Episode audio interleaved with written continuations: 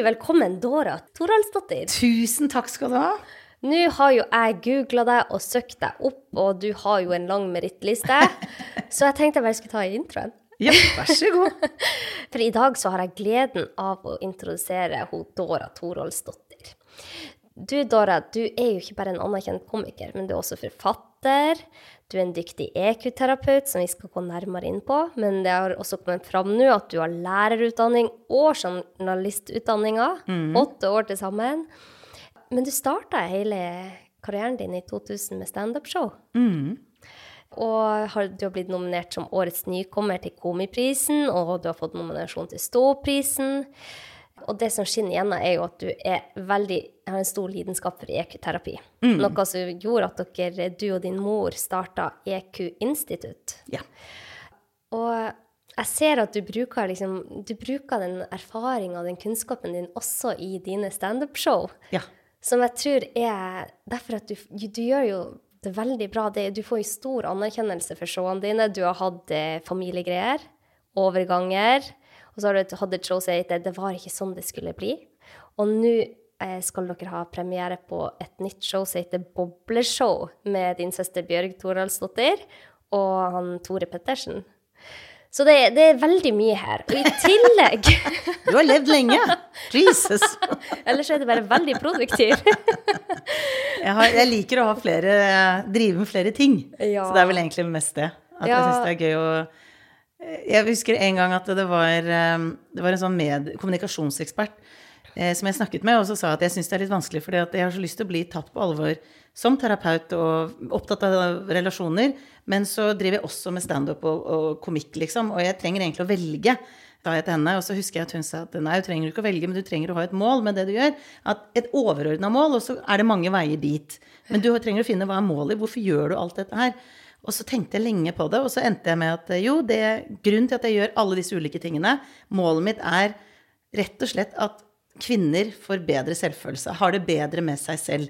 Så gjennom terapi så er det å bygge opp selvfølelsen. Og når jeg gjelder foredrag om relasjoner, så er det veldig mye om din relasjon til deg selv. Hvordan du kan rett og slett like deg selv bedre, for da tar du bedre valg for deg selv. Ja. Og kanskje bearbeide ting du har vært igjennom. Mm. Eh, og med standup så er det også om overgangsalder, fordi vi har klart å gjøre noe som er helt naturlig skamfullt som veldig mange kvinner kjenner på. At nå er jeg i en tid, og det skjer mye, og jeg kan ingenting, jeg vet ingenting. Vi snakker ikke om det. Mm. Og vi har klart å gjøre det til et ensomhetsprosjekt. Mm. Når halvparten av jordas befolkning går igjennom dette her.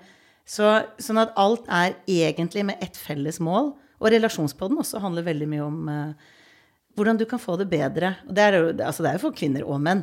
Men jeg har liksom valgt kvinner kanskje i litt større grad fordi interessen for relasjoner er større gjerne blant kvinner. Mm. Ja, for du har relasjonspodden med Kjersti Idem, var det det? Ja. ja.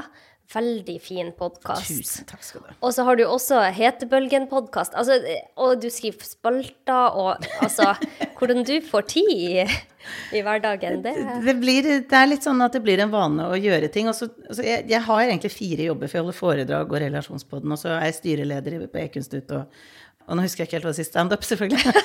eh, men jeg gjør jo litt jeg, Ingen av delene er 100 jobb. Det ene er eh, kanskje en gang i uka, f.eks. For foredrag. Og så EQ-institutt er jeg kanskje én eller to ganger i uka, og så er relasjonspod en gang i uka. Sånn at det, det, blir summen av det blir en vanlig jobb. Det er bare at det er ulike ting. ja. ja, for at du har mange hatter. Ja. Eh, og det jeg har eh, bitt meg merke, er at du lar, lar deg lett engasjere. Ja, veldig fort. Hvorfor? Hvorfor? Har du alltid vært sånn, eller har du blitt sånn? Ja, det er et veldig godt spørsmål. Nei, jeg tror at eh, det å finne sin lidenskap Og jeg vet jo at du har jo din lidenskap, som mm. alle som lytter på, vet veldig godt hva er. Men eh, i hvert fall så er min lidenskap er det mellommenneskelige og det som gjør uh, what makes us tick. Altså hva er det som får oss opp om morgenen? Hva er det som gjør at du er sånn og du er sånn? Hva er grunnen til at du syns det er skummelt og ikke noe annet? Sånne ting syns jeg er sånn kjempespennende. Ja. Og bare dypdykke inn i. Og så tror jeg den der humordelen handler litt om at det er da tar du alt det fornuftige til side, og så bare fjaser du med det samme materialet, egentlig. Og det er, det er, en sånn befrielse å kunne le av det også. Så jeg har veldig sånn kick av å jobbe egentlig med det samme som er lidenskapen med, med relasjoner. Og alle jobbene har jeg jo lagd selv. Jeg har jo lagd foredragene jeg holder. Relasjonspodden har vi jo skapt fra bunnen av, og firmaet og, og showet. har- Liksom alt, det er ingen som har sagt hva jeg skal gjøre. Sånn at jeg tror med en gang du driver med noe som kommer innenfra, og som er en drive på at Og du trenger ikke å skape din egen jobb. Du kan jo ha en jobb, være i et firma, men du, du drar med deg selv inn i det. Det er en passion, en, en overordna ønske om å nå fram med et eller annet, eller et budskap, eller få til noe. Ja. Da tror jeg du liksom får veldig mye drivstoff til å, å fortsette. Ja. For når du går på tvers av deg selv og har en jobb av plikt, eller føler at jeg bare gjør dette for å få penger, så mangler du fullstendig entusiasmen og lidenskapen. Og da blir alt bare egentlig slitsomt og tungvint og, og vanskelig. Så jeg, jeg har veldig troa på den derre Driver du med det som liksom får pulsen til å gå litt, og som du engasjerer deg i, og glemmer litt tid og sted, og ja, litt opptatt av det. Vi vet jo at det er viktig for helsa òg å ha en arbeidsplass man trives på. Ja, så mange timer vi tilbringer. ja, ja. ja. Ja. Men det er, jo, det er jo litt vanskelig også når man har en jobb som, der man er så engasjert, fordi at det, det kan bli altoppslukende også. Ja, absolutt. Og jeg vil absolutt påstå at det har ofte gått eh, utover på alle måter. At jeg kan sitte på en søndag og, og holde på med noen mailer, og jeg koser meg med det, og så tenker jeg dette er sikkert ikke så veldig sunt. Ja, men jeg tenker egentlig at det er sunt, da. Hvis du koser deg med det Ja, du gjør. ja. ja. Men jeg, jeg er ikke kjempegod til å slappe av. Det er jeg ikke. Okay. Og det ser jeg nå som jeg har fått hytte. Ja. At eh, jeg blir veldig fort litt sånn rastløs. Så der jobber jeg litt med å sette meg ned, lese en bok eller se utover og Litt sånn mindfulness-trening. Godt å ha noe man skal utvikle seg Ja, litt ja, ja, på. ja. Jeg blir aldri ferdig. Ja. Heldigvis. Hva er det, det Altså, du blir jo lett engasjert. Hva er det du mest engasjert i nå for tida? Jeg tror nok at nå driver vi med bobleshow. Eh, Vi har premiere om en måned. Og det er et feelgood-show. Og det er mest kvinner som kommer, rett og slett, fordi at vi er to damer og en homo. homofil. Eh, så det, det er ikke sånn at alle menn i rørleggerbransjen kaster fra seg tingene og, og kommer. Men, eh, så vi vet jo av erfaring at det kommer flest kvinner. Og vi har jo hatt bobleshow før. Bjørg og jeg har hatt med en som kan synge. Helene Bøksle har vært med, og oh, ja. Cecilia Vennersten og sånn. Og det er ren feel good, men også med litt påfyll. Så vi vil gjerne at de kommer og blir både rørt og eh, glad og ler og, og får litt til ettertanke. Sånn at det er ikke bare fjas, men at det er litt innhold. Så det er litt foredrag, litt standup. Vi skal synge og danse og sånn, og jeg kan jo ikke synge i det hele tatt. Og for at vi skal si det er noe med å gå ut av komfortsonen, tørre å gjøre ting du syns er skummelt, så har vi da utfordra oss selv med at Bjørg og jeg, vi kan overhodet ikke synge. Vi skal faktisk synge en sang om å være søstre. Eh, som begge to syns er helt idiotisk idé nå.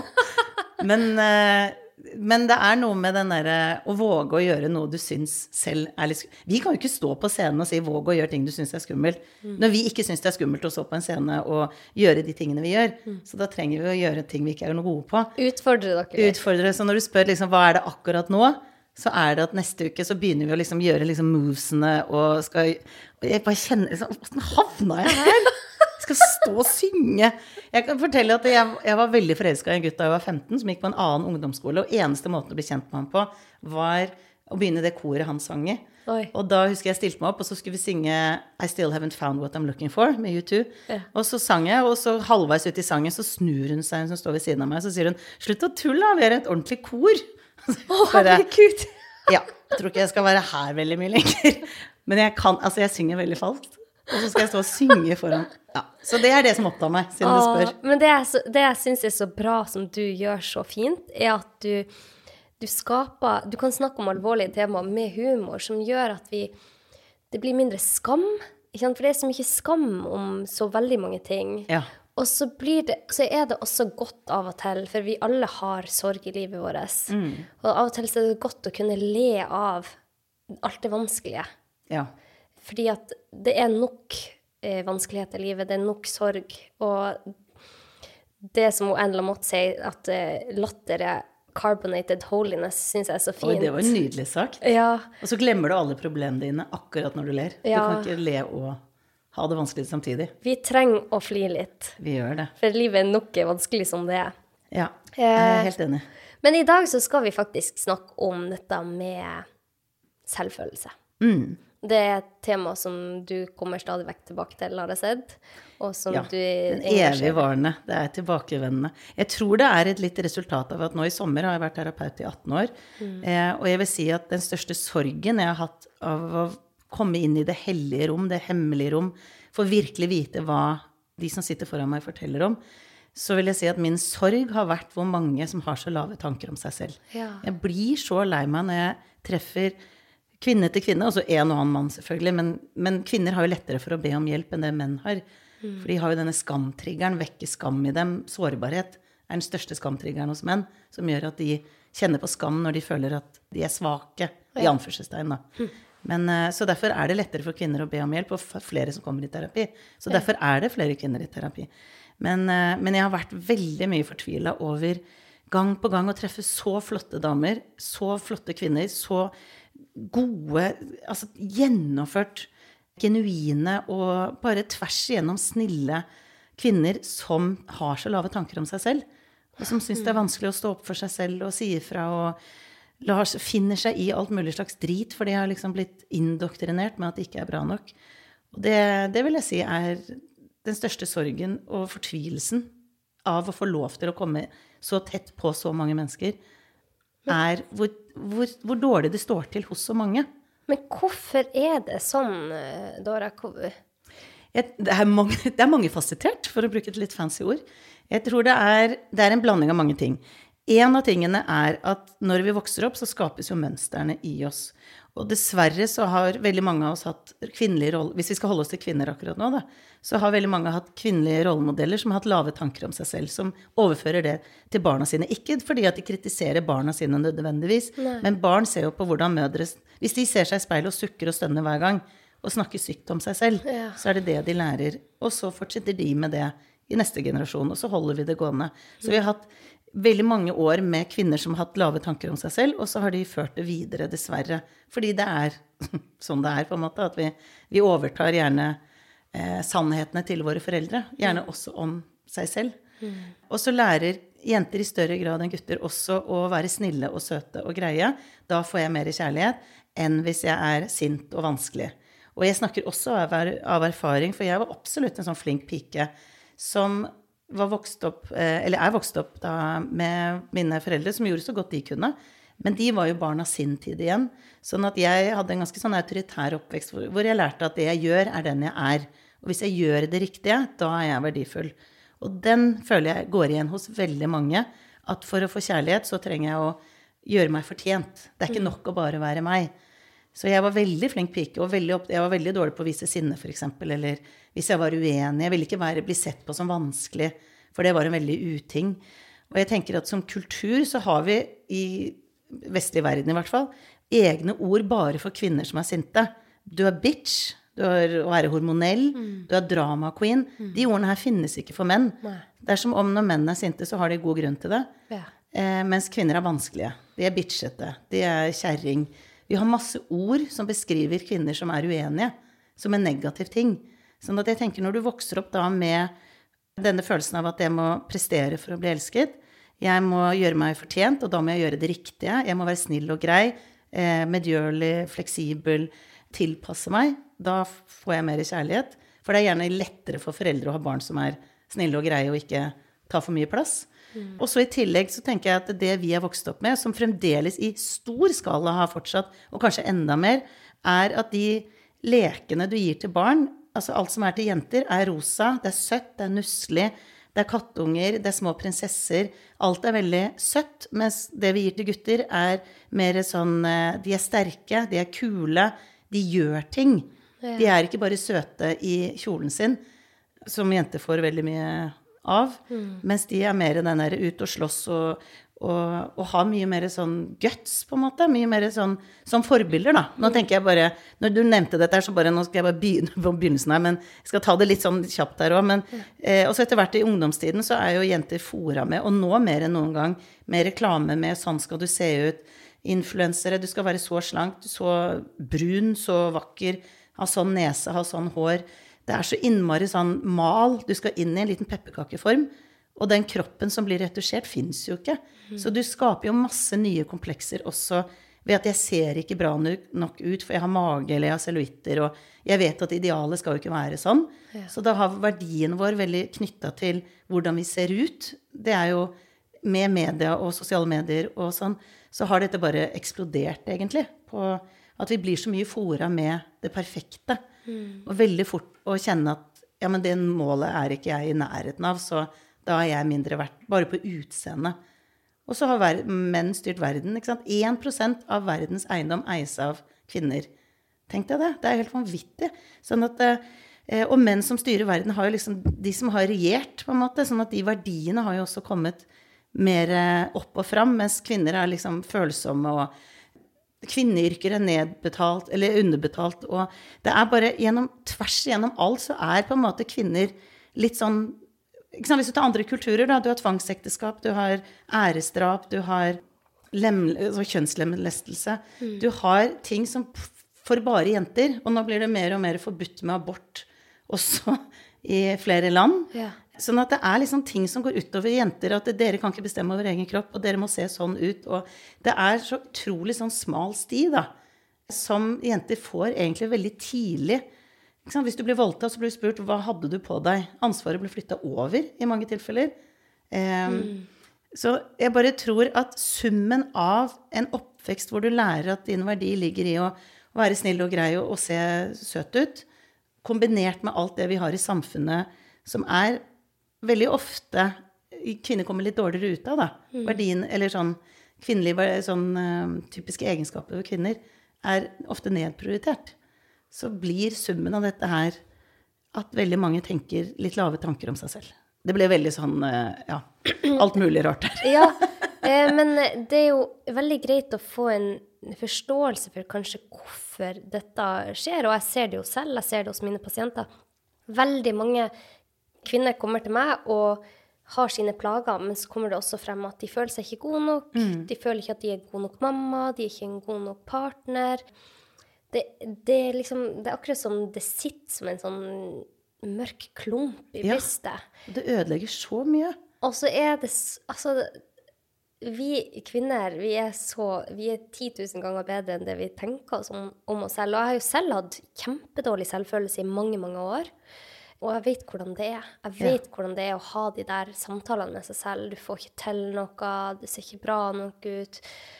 Hvorfor kan du ikke bare gjøre det? Hvorfor gjorde du det? Eh, eh, det, det, det er vanskelig. Og det å komme ut av det der er også vanskelig, men det er også utrolig befriende. Ja. Jeg vil ikke si at jeg aldri snakka negativt om meg selv lenger, men jeg har fått en sånn trygghet i bunnen da, som har gjort det mye lettere for meg å være en eh, kvinne i 2024.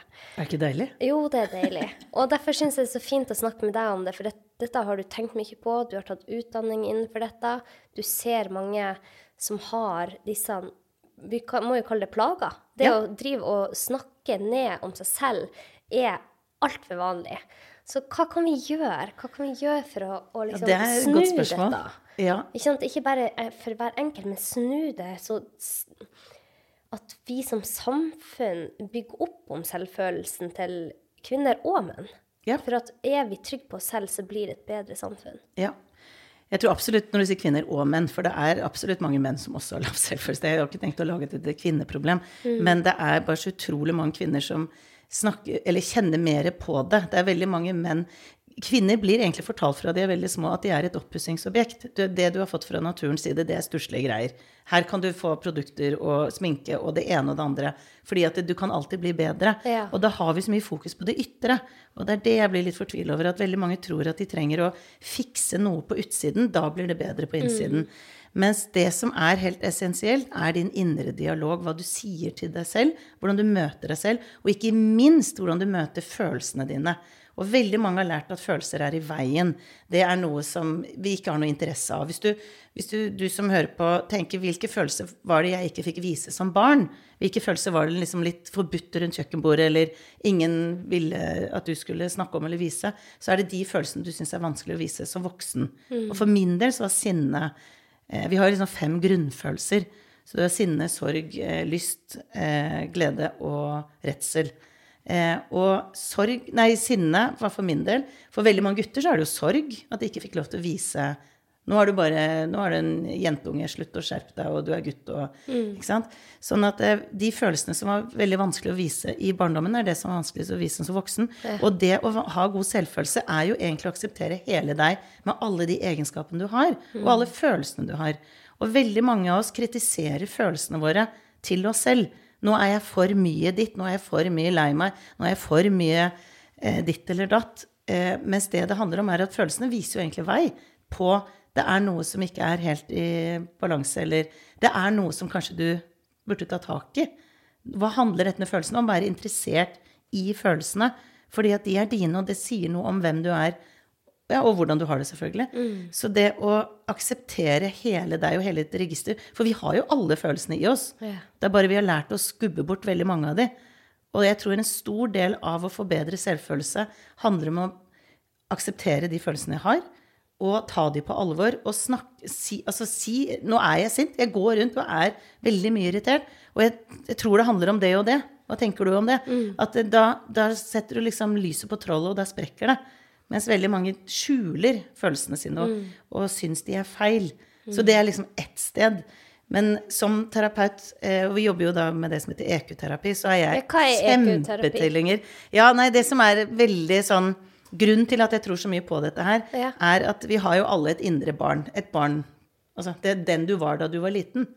Og det vi gjør helt konkret, er at vi snakker om det som den personen sliter med. Og veldig ofte er det no, en gammel følelse. La oss si at det er ensomhet, da. Mm. Eller um, følelsen av ikke å være bra nok. Så er det ikke noe som begynte forrige uke. Det er som regel noe som har fulgt deg i lang tid. Og mm. mønstrene begynner jo i barndommen. Det er jo fram til tolv år hvor liksom fundamentet blir lagt for selvfølelsen din. Det er de, spesielt de første seks leveårene, hvordan du ble møtt da. Men vi, har, vi kan forme fremdeles sånn ca. til tolv år. Det er som en leirklump, da, første seks leveårene. Du kan jo påvirke direkte hva barnet syns om seg selv, ut ifra hvordan de blir møtt av sine foreldre. Og så fra seks til tolv så er det akkurat som en leirklump som går inn og ut av ovnen, begynner å størkne. Barnet begynner å få en ganske klar idé om sin egen verdi. Ja. Og så etter tolv år så trenger barn aktivt selv å være med på å endre sin oppfatning av seg selv. Ah. Så det dannes jo de første leveårene. Og da syns jeg det er så spennende at vi begynner da, La oss si at personen da lukker øynene, eller ikke la oss si, det er det som skjer. Eh, lukker øynene, hvor i kroppen sitter den følelsen av ikke å være bra nok, f.eks. Og jeg blir, slutter ikke å fascinere meg. Nå har jeg gjort dette i så mange år. Det er magen 99% av tilfellene. For her er følelsene. De er i magen. Mm. Og egentlig vet vi det. Hvis du gruer deg til å holde en tale, hvor merker du det? Mm. Hvis du er kjempeforelska, hvor merker du det? Mm. Da kjenner vi det i magen. Ja. Så da sier veldig mange at det er i magen, og kanskje litt opp i brystet. Og, og, så bruker vi Det er fra NLP, faktisk. Neurolinguistic Programming. Sånn si. eh, hvor, hvor, eh, hvilken farge har den følelsen? Hva sier den følelsen? Hvor stor plass tar den? Hvilken form har den? Sånn at du får ordentlig tak på den følelsen. Og da er det veldig fascinerende at uansett hvem som kommer og tror de ikke har noe tilgang til sånn, de sitter og kjenner at den er svart, og det er en klump, og ja, det er jo forskjellig, men det er veldig ofte den retningen der. Mm. Og så kan vi si, hvis du er der, da, kan du se Lille-Anette med den samme følelsen. Og da er det så fascinerende, for da er det jo liksom Dette kan jo du som er, på, eh, er lege. Eh, du har reptilhjernen, og den er kobla direkte på det limbiske system, følelseshjernen. Ja. Så når du går inn i sansene, hvordan ser denne følelsen ut? Hvilken form har det? Er den kald? Er den varm? Er den lys? Er den mørk? Da er du veldig i sansene, og så går du derfra i, rett inn i følelsene. Når jeg sier da Kan du se deg selv som barn med den følelsen? Og da er jeg så fascinert av at da ser folk gjerne eh, seg selv som barn. Gjerne kanskje, hvis jeg skal bare si noe sånn seks år eller åtte år eller et eller annet. Ja. Og noen ganger så er det liksom bitte små, og noen ganger er de 17, men stort sett så er det eh, barneskolealder. Mm. Og så eh, Hva skjer med deg når du ser henne, og hvor er hun? Og veldig ofte så begynner folk å gråte veldig fort allerede der. Mm. For jeg ber Kan du se inn i øynene til lille Anette? Hvordan har hun det? Og der er det så mye sorg ofte mm. på følelsen av det er ingen som vet egentlig hvordan jeg har det. Eller det er ingen som egentlig ser den jeg er. Eller det er ikke plass til meg. Eller det er så, ofte, det er så mye jeg lærer som er feil med meg. Ja. Og da går du som den voksne og ser deg selv. Du kommer inn i det rommet. Og hva vil du si til lille Anette? Og hva, hvordan er det for henne å høre det? Sånn at det oppstår en god kontakt der. Og mm. sier de usagte ordene kanskje til den jenta som hun hadde hatt behov for å høre. Og så går dere to og snakker med foreldrene dine. Og dette kan høres veldig sånn svevende ut, men det er så konkret. Jeg vil gjerne at du finner mamma. Hvor er hun? Nei, hun er på kjøkkenet. Veldig ofte. Ja. Eh, hvordan er det å se på Hva skjer med deg når du ser på henne? Nei, jeg blir eh, sint eller oppgitt eller lei meg eller hva det er. Da vil jeg at du setter ord på hva det handler om. Og så har du med deg liksom lille Anette som er med. Og så sier du de ordene som du ikke har fått sagt. For vi holder jo igjen av hensyn til våre foreldre veldig ofte hvordan det egentlig var. Men når du ser det for deg og vet at dette her er jo i en terapisetting, det er ikke noe som skjer reelt, så kommer gjerne de ordene at du så meg ikke, eller du hadde ikke tid til meg, eller hva det måtte være. Og så er det det samme også med pappa. At eh, broren min var mye viktigere enn meg, eller jeg blir så sint når du snakket sånn som du gjorde til meg, for det fikk meg lille Anette til å føle seg så lite verdifull. Og, og så får du liksom ut veldig mye sannheter du har blitt fortalt om deg selv, på at dette her stemmer ikke. Og så kan jeg av og til stoppe og si hvordan har lille Anette det? Nei, hun syns det er kjempebra at noen sier ifra, eller eh, Nå bare sier jeg en sånn fiktiv reaksjon her, da, men det er ofte det som skjer. Og så tar du med deg selv til et trygt sted og liksom adopterer deg selv. Og egentlig er dette her å ta følelsene dine på alvor, hvordan det var å vokse opp, men det er bare en veldig smart måte å komme inn i det på. Men hva mener du med å ta deg selv med til et trygt sted etterpå? Ja, etterpå så La oss si at du har sett for deg at du har snakket med foreldrene dine. Så kan jeg si 'Vil lille Anette bli med deg?' Og så spør du da lille Anette, og hun sier da ja. For det skjer stort sett. Og da vil jeg gjerne at du tar med henne til et godt sted å være. Et sted som er godt for dere å være på.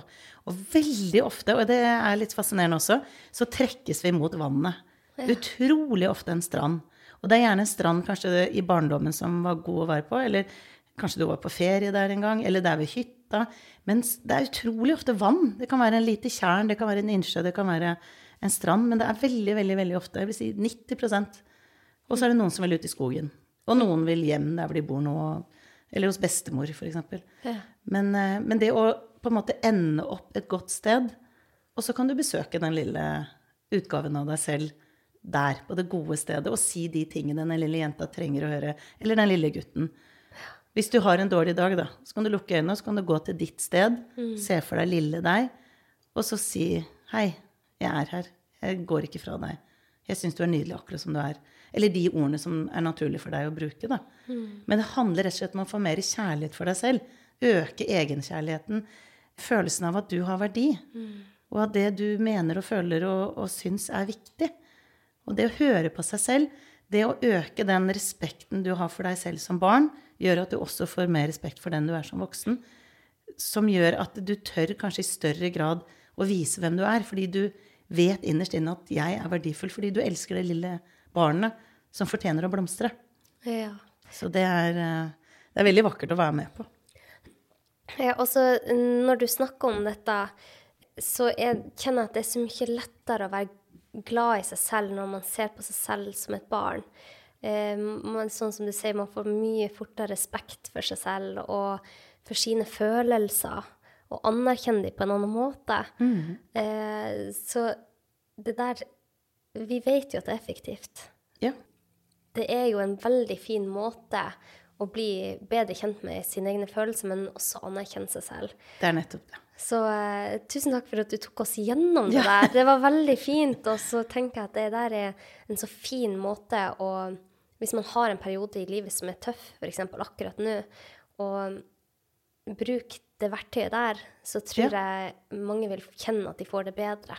Ja, det er nettopp det. Det går an hvis du finner et bilde av deg selv som barn, at du liksom ser på deg selv og inn i de øynene, og så kan du nesten lukke øynene og gå inn og snakke med det barnet. fordi hvis du da tenker at Hvis du går rundt og tenker 'jeg er ikke bra nok', og så ser du på deg selv da du var barn og tenker 'er hun bra nok', er han bra nok', så vil du jo sannsynligvis kjenne 'ja, det er barn som gjør så godt de kan'. Ja.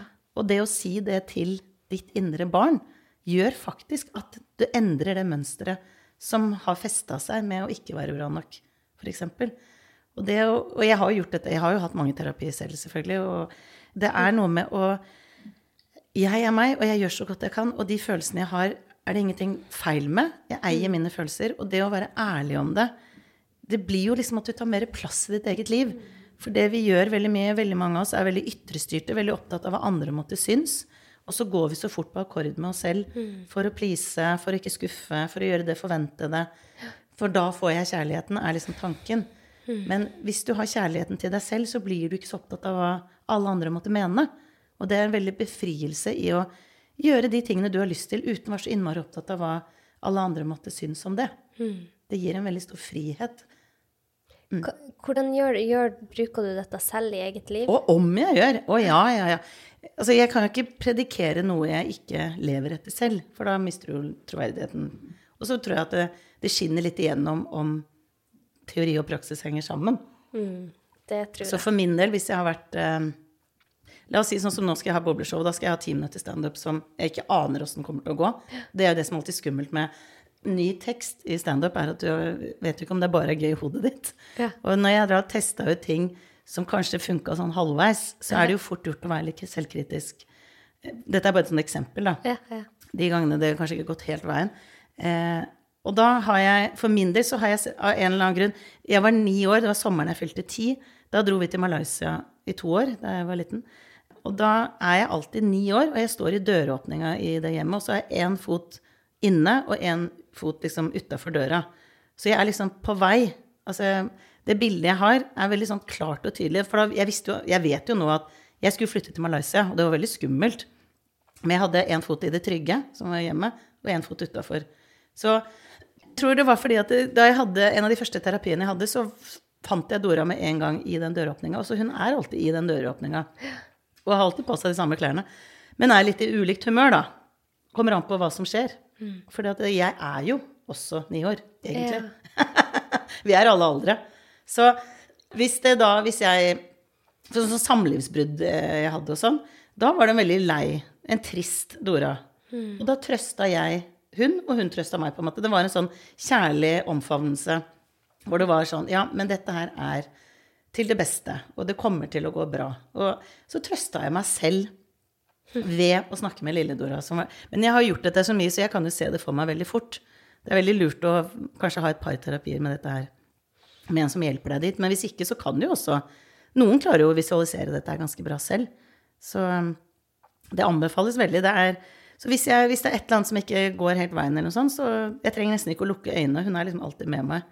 Så kan jeg ha sånn high five og vi to. Å, det er så fint. Ja. Det er så fint. Jeg har en slags, Vi heier på hverandre, da, kan du si. Og da er du ikke alene lenger. Ja, ja, ja. Herre min, det er så fint. Og eh, det er så utrolig godt eh, og effektivt verktøy, det der. Og ja, du føler at du alltid har med deg noen i livet ditt. Mm. Det der skal jeg begynne å bruke oftere. Ja, fordi vi, vi vet jo hvem den indre, det indre barnet er. Og så tror jeg at mye av grunnen til at jeg syns dette her også er veldig effektfullt, er at jeg tror det å forstå seg selv er utrolig viktig. Og når du går tilbake igjen, så kan du forstå hvorfor du har blitt som du har blitt. da. Ja. Hva er grunnen til at du holder igjen mye, eller hva, er grunnen til at du syns det er vanskelig å si ifra? Jo, fordi at hvis jeg sa ifra til pappa, f.eks., så ble han så ofte sint. Så da lærte jeg at det er ikke noe lurt å si ifra hvis noe ikke er bra. Mm. Og så demper du deg selv. Mm. Og så når du blir da voksen og, og kanskje ser deg selv som barn og sier vet du, stemmen din teller, du har lært at ikke den er viktig, men den er viktig. Mm. Ut og bruk den. Si hva du mener. Det å bygge opp liksom, Jeg tenker at vi har alle sannheter om oss selv, og så er det noen av de som er tillærte, og noen som, som er reelle. Og da er det noe å revurdere sine sannheter. Hva er det som jeg vil ta med videre, som er meg, og hva er det jeg kan kaste over bord? Ja. Som for eksempel hvis du har opplevd mye mobbing, eh, så lærer du også at eh, du er ikke viktig, du er ikke bra nok. Mm. Men det er jo ikke din sannhet. Det er noen andre som har fortalt deg. No, den driten der, det er jo ikke noe vits å dra med det. Mm. Jeg liker så godt å si 'kast deg'. Ja. Og man får sånn, jeg får sånn umiddelbart veldig omsorg for meg selv. Mm, bra. Det er rart Nydelig. med det. Og det er det å ta deg selv på alvor. Vi, det er et uttrykk som er å ta seg sammen, ja. men vi er mer opptatt av å ta deg selv på alvor. Ja. Det er eh, mantraet vårt. Jeg har jo eh, googla og lest meg opp om deg, Dora, og jeg har hørt på podkasten din, og eh, du er en veldig sånn genuin person. Det er veldig godt å ha deg i rommet. Så hyggelig. Og jeg leste at du har jo vært en ganske tøffe tider med din ektemann, ja. han Jan Tore. Mm. Og så jeg tenkte vi trenger ikke gå inn på det, for det er sikkert det, det, ja, det kan jeg fint gå innom. Jeg jo, lever jo i det. Ja. Han har hatt eh, kreft to ja. ganger. Mm. Og så har han fått masse senkomplikasjoner og mista stemmen. Ja, de trengte å rett og slett Han hadde en svulst på 6 ganger 3 cm i halsen som de fjerna. Og den var så stor, så de tok så stor del av spiserøret, og så sydde de på en, en del av tarmen hans, faktisk. Ja. På spiserøret. Og da tok de jo ut eh, stemmebånd og strupehode Ja. fordi den svulsten var så stor. Sånn at han har det som heter taleventil. Og det er rett og slett at han puster Nå puster han gjennom et hull i halsen.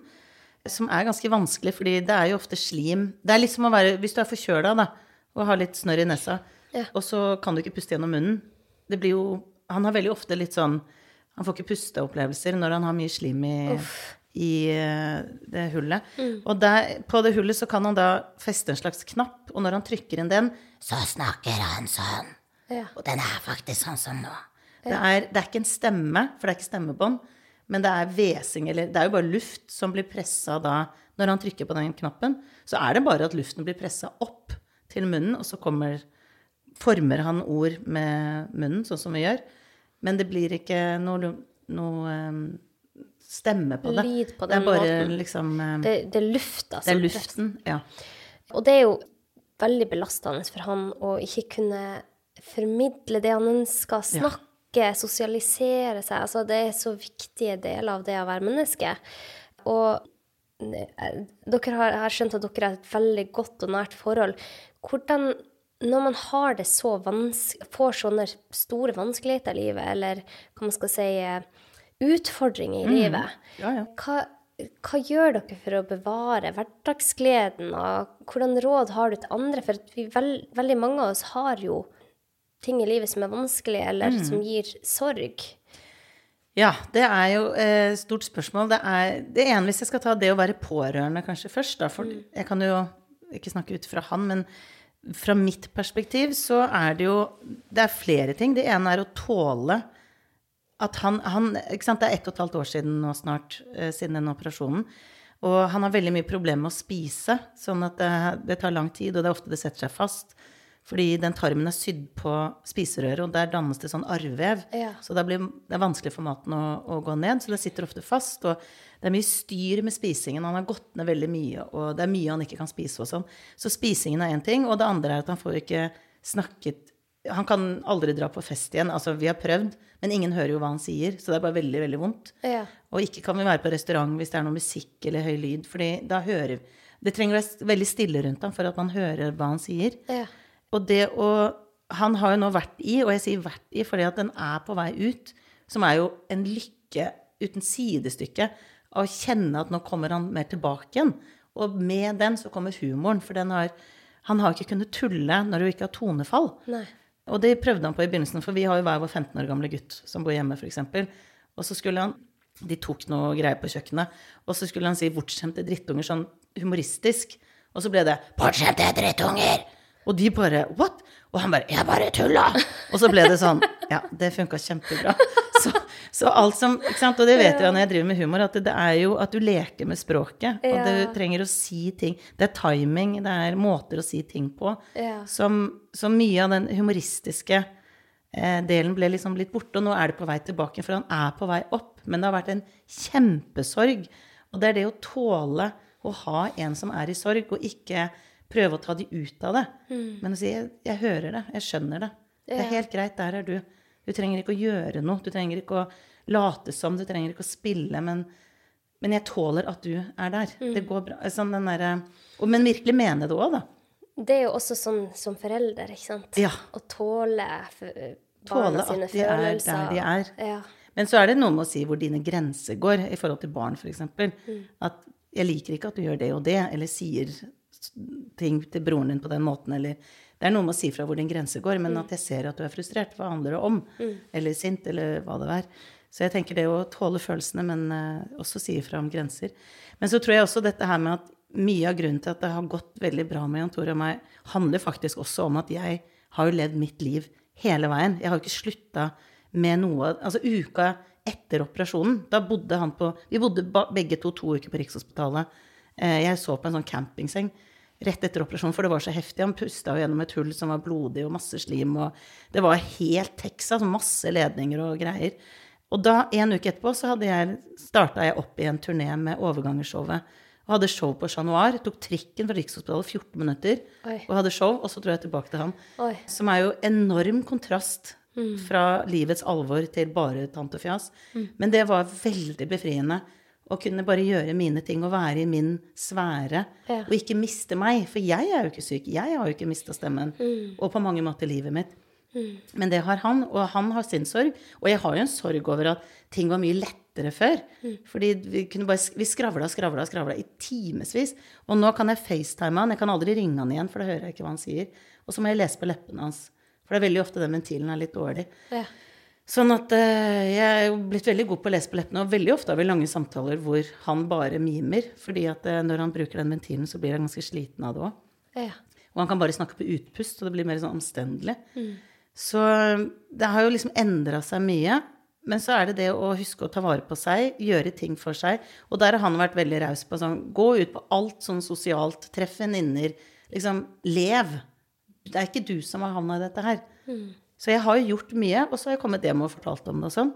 Og det er jo selvfølgelig litt trist å dra på Nå er jeg 50 år, og veldig mange rundt meg har 50-årsdager. Og han får jo ikke vært med på noe av det. Og jeg skulle jo ønske det, men, men sånn er det. Og jeg tror en sto, et stort stikkord i at vi har taklet dette er egentlig forholdsvis greit. Altså det er on and off. Er vi har jo våre sorgfulle stunder, og vi har grått masse. Men jeg tror det der med å akseptere at det er sånn, det, det er som det er. Fordi at veldig fort så går vi tilbake til en sånn Tenk om det ikke hadde skjedd. Andre er så heldigere. Hvorfor skulle dette skje oss? Det å ikke akseptere tingenes tilstand er en veldig kjapp måte å bli ulykkelig på. Ja. Men det er som det er, og så får vi gjøre det beste ut av det.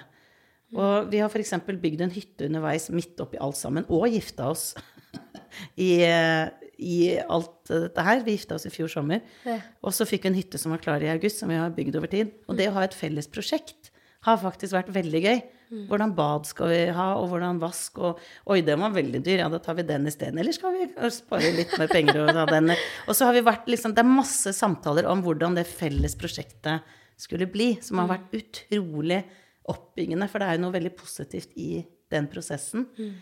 Og så er det å være ærlig underveis. Det, vi, det er liksom to ting vi bestemte oss for veldig tidlig. Det ene er å være dønn ærlig. Så han er veldig ærlig med at han er veldig redd for at jeg drar ut i verden, og så blir jeg forelska i en, en jeg kan snakke med vanlig. En som ikke sliter med å spise.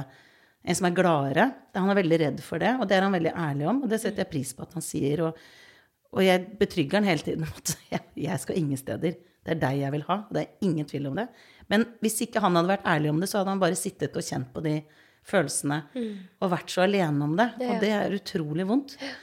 Og jeg er veldig ærlig med han om at jeg er redd for at jeg er sammen med en som er deprimert år inn og år ut. For det blir så tungt, liksom, å bære. Men han er veldig ofte altså, Han er ganske flink til å Det svinger.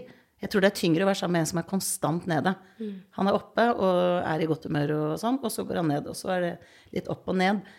Men, eh, så vi har vært bestemte veldig tidlig for å være dønn ærlige om det vi tenker og føler og mener. At vi alltid vet hvor den andre er følelsesmessig.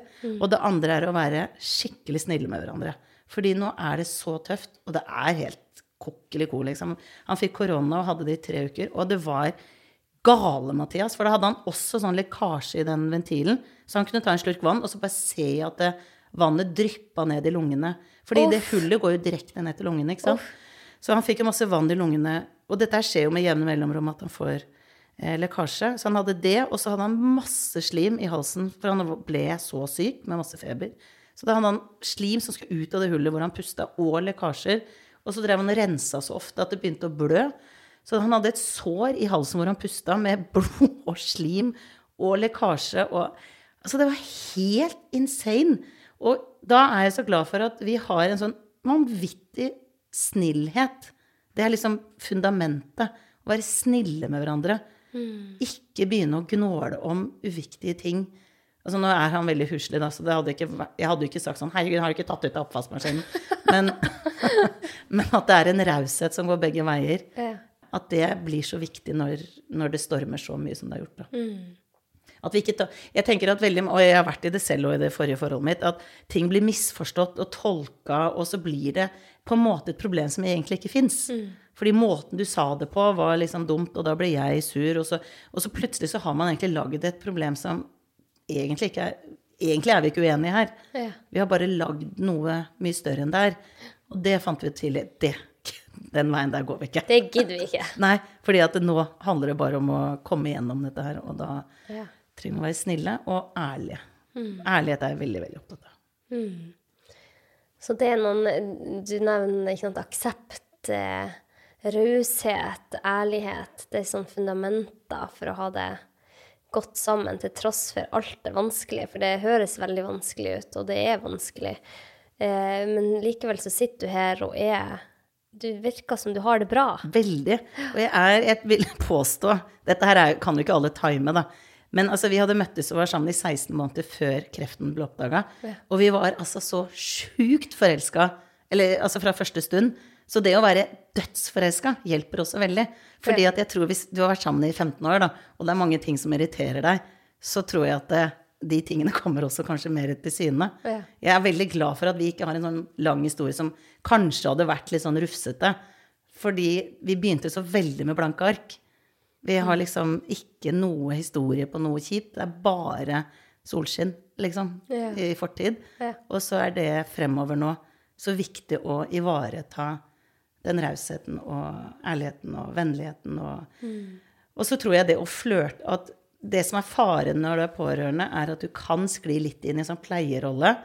Og så blir det en sånn pleier og pasient, eller mor og sønn, eller hva jeg skal si, sånn at jeg skal passe på. Og da har vi jevnlig stoppa liksom Wow, nå trenger vi å flørte. Nå trenger vi å tafse litt.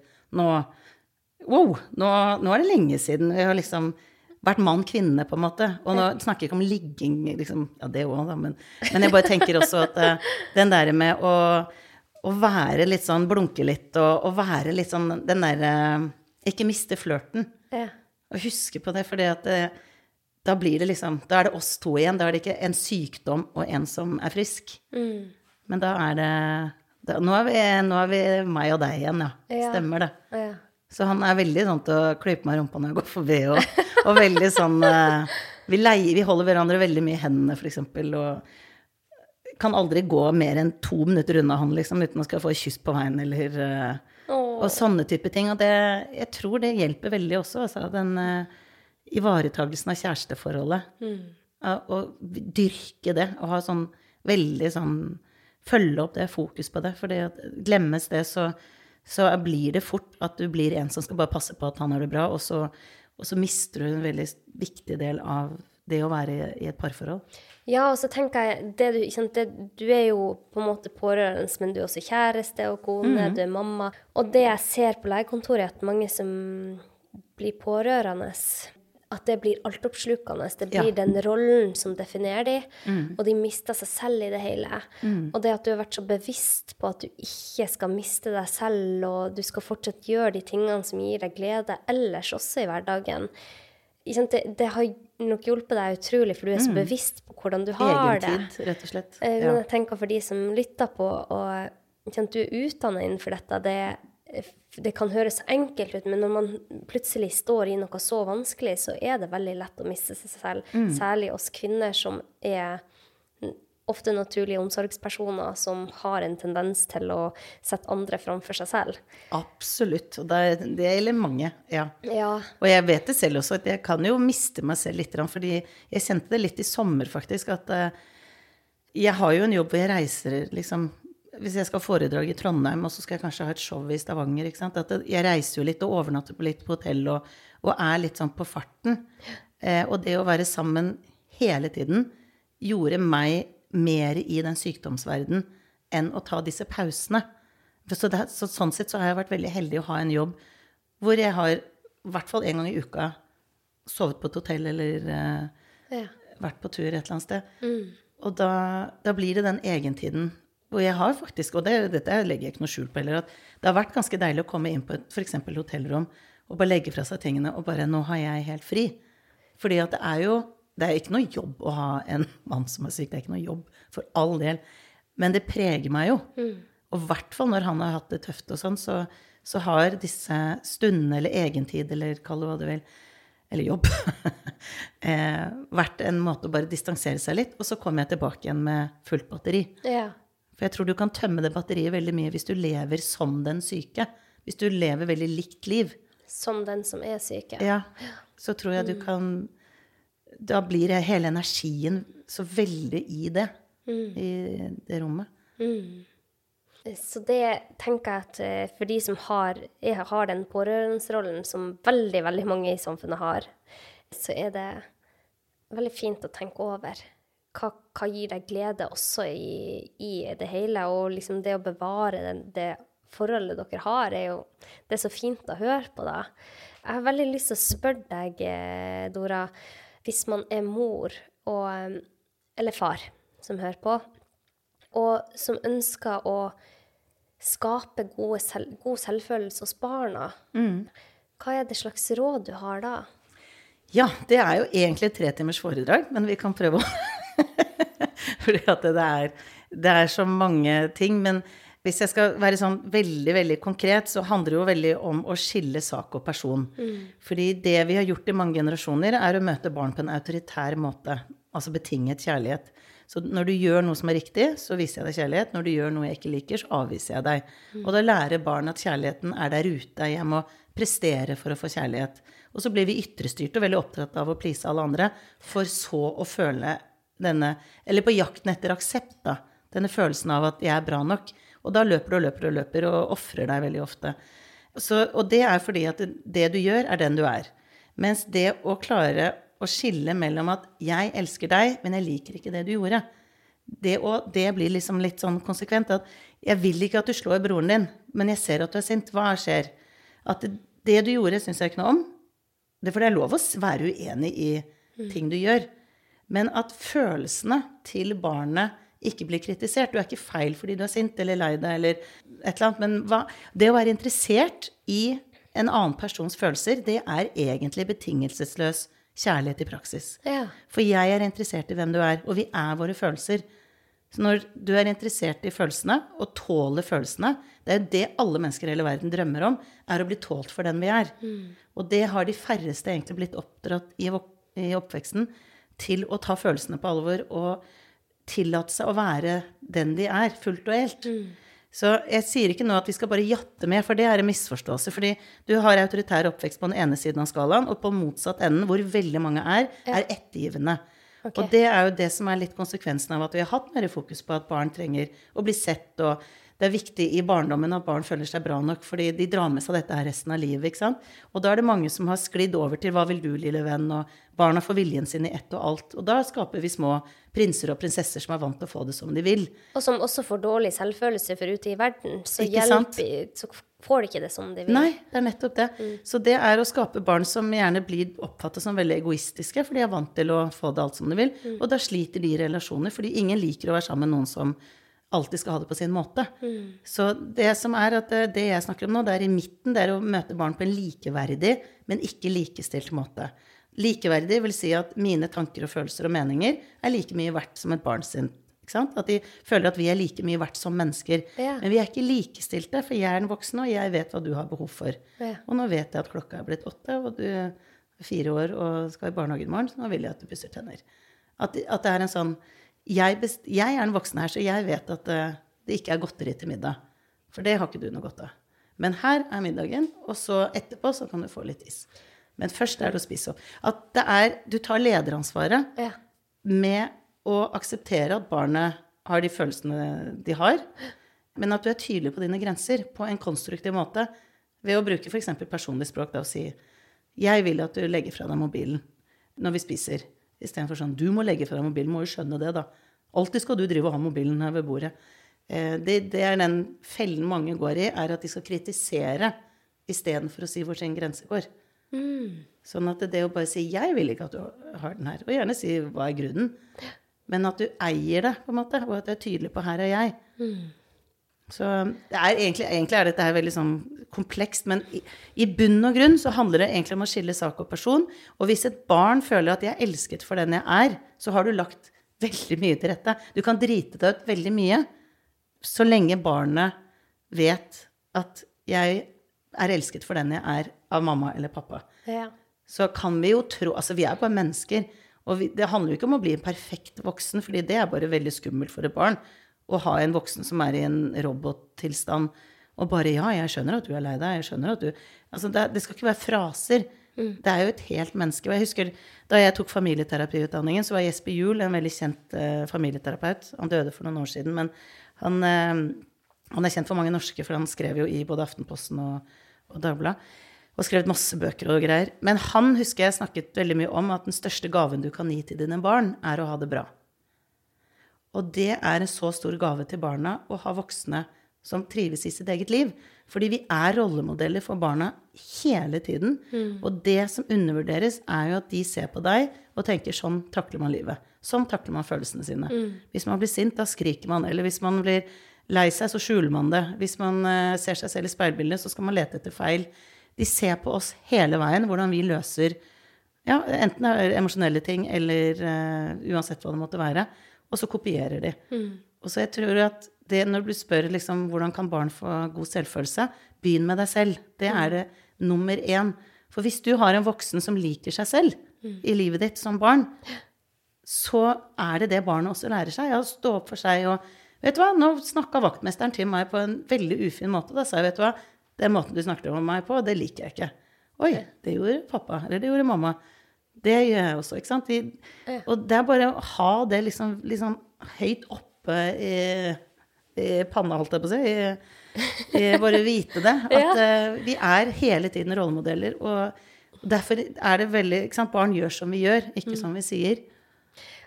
Dora, du sier så masse fint her, og det er så mange ting som jeg bare Jeg føler at det er sånn Så litt sånn og litt sånn og litt sånn og litt sånn.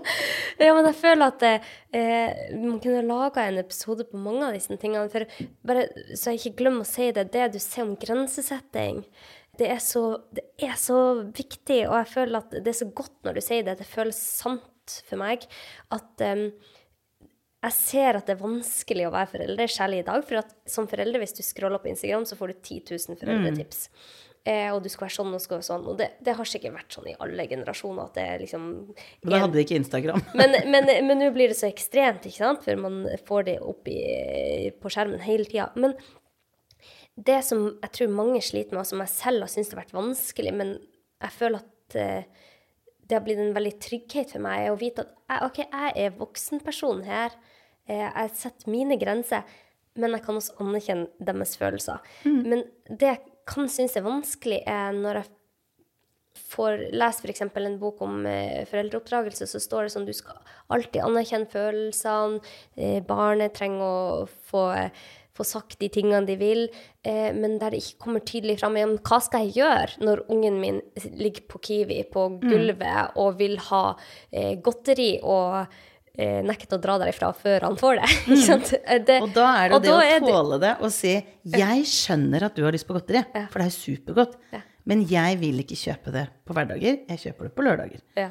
Og så er det ja, men, nei, nei, skjønner. Og det å si, det å anerkjenne følelsen, er jo å si 'jeg skjønner', eller 'jeg forstår', eller eh, 'jeg har ikke noe problem med å, skjønne'. ikke sant? At, eh, at, det du sier da, er at 'jeg er på lag'. Jeg mm. er med deg.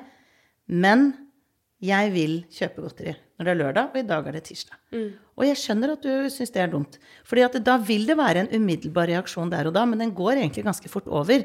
Det veldig mange gjør, er å si du kan ikke holde på sånn. Og så begynner vi å kritisere oppførselen til barnet. ikke sant? Ja. Du kan ikke holde på sånn. Du er helt umulig. Og da kommer all den kritikken av som veldig ofte følger i en sånn frustrasjon, istedenfor å ta liksom den derre jeg, og, men du trenger å ikke sant? Og det er her dette her komplekset kommer inn. er at Hvis jeg har et litt vanskelig forhold til sinne, f.eks., eller, eller sorg, og så opplever jeg barnet mitt som f.eks. sint, da, eller veldig lei seg, ja. og jeg sliter med den følelsen fordi at jeg er ikke i kontakt med den selv, eller jeg tillater ikke meg selv å vise sinne, så vil jeg ha veldig problemer med å takle at barnet mitt er sint.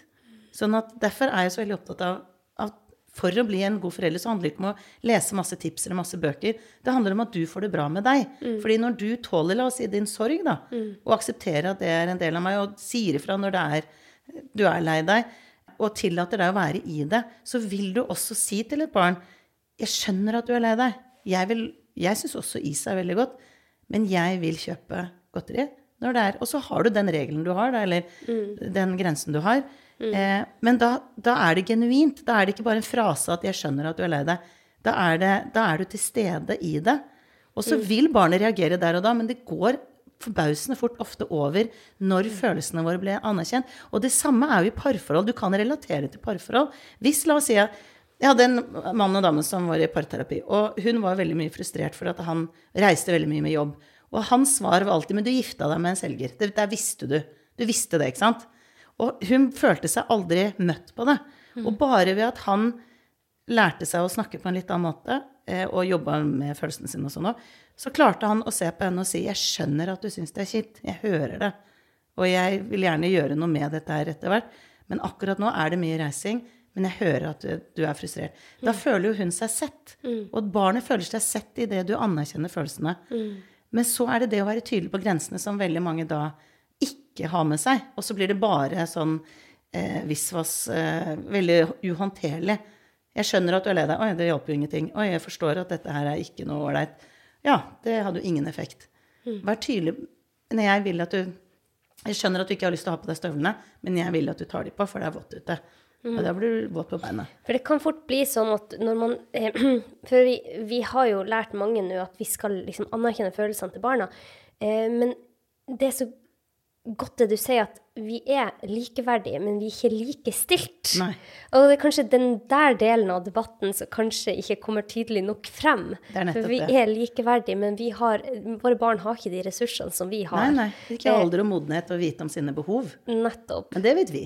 Det vet vi. Så det var, det var Jeg har ikke hørt det før, og det syns jeg var veldig fint, ordet. Vi er likeverdige, men vi er ikke likestilt. Nei, og optimalt i en parrelasjon så er man jo likeverdig og likestilt. Ja, ja. ja det håper jeg at man Men det er en annen podkast. ja, det er en annen podkast. Og det har vært så fint å ha deg her så inne. Så hyggelig. Jeg syns du har sagt så mye fint òg, så jeg bare føler jeg har fått helt sånn Blitt boosta her. Før bobleshow. ja, ikke sant? Nei, men tusen takk for at du har delt uh, så raust. Og jeg håper at du som lytter sitter igjen og tenker at vet du hva, jeg skal ta og snakke med det barnet inni meg. For at i hvert fall jeg kjenner en gang jeg får mye mer omsorg for meg selv, mm. kjærlighet og forståelse og respekt og ja, de, de der følelsene som jeg håper alle kan føle om seg selv. Og det vil også gjøre at det kanskje blir enklere å være forelder eller besteforelder eller mann eller kone. Mm. Eh, stå støtt i seg selv. Ja, det ja. å stå støtt i seg selv er så viktig. Før jeg lar deg gå, så bruker jeg å spørre et siste spørsmål til eh, mine gjester. Og det er at hvis du fikk beskjed om at du måtte forlate jorda i dag, eh, men så fikk du lov å hviske tre råd eller sitat eller noe du hadde lyst til å dele med alle menneskene på denne jorda, hva ville det vært? Eh, jeg tror den kommer opp veldig fort fordi vi har brukt den så ofte i podkastene, men det er hvis du endring Nei, hvis du vil ha en endring, så trenger du å gjøre en endring. Mm. For der føler jeg at mange vil ha, ha en endring, men det er den der ordet 'gjøre' som eh, bare minner om at eh, hvis du ikke er fornøyd med livet ditt, så finn ut hva er det du ikke er fornøyd med, og gjør noe. Ja, mm. Det er det ene. For det er, det er litt sånn action. Det er litt sånn ja. Come on! Gir, jeg er litt utålmodig. Det gir også litt eh, Ja, litt eh, Ikke ansvar, men det gir litt sånn boost om at vet du hva, jeg kan faktisk få til endringer. Ja. ja. Hvis du mm. vil ha en endring, så trenger du å gjøre en endring. Og så vil jeg et eller annet i retning av at du er bra nok som du er. For det, det, er jo blitt en litt sånn klisjéfylt uh, ting å si. Men du er bra nok som du er. Det er virkelig sånn at den du er, er bra nok. Vi gjør alle så godt vi kan. Mm. Og mer enn det kan vi ikke kreve av oss selv eller av andre.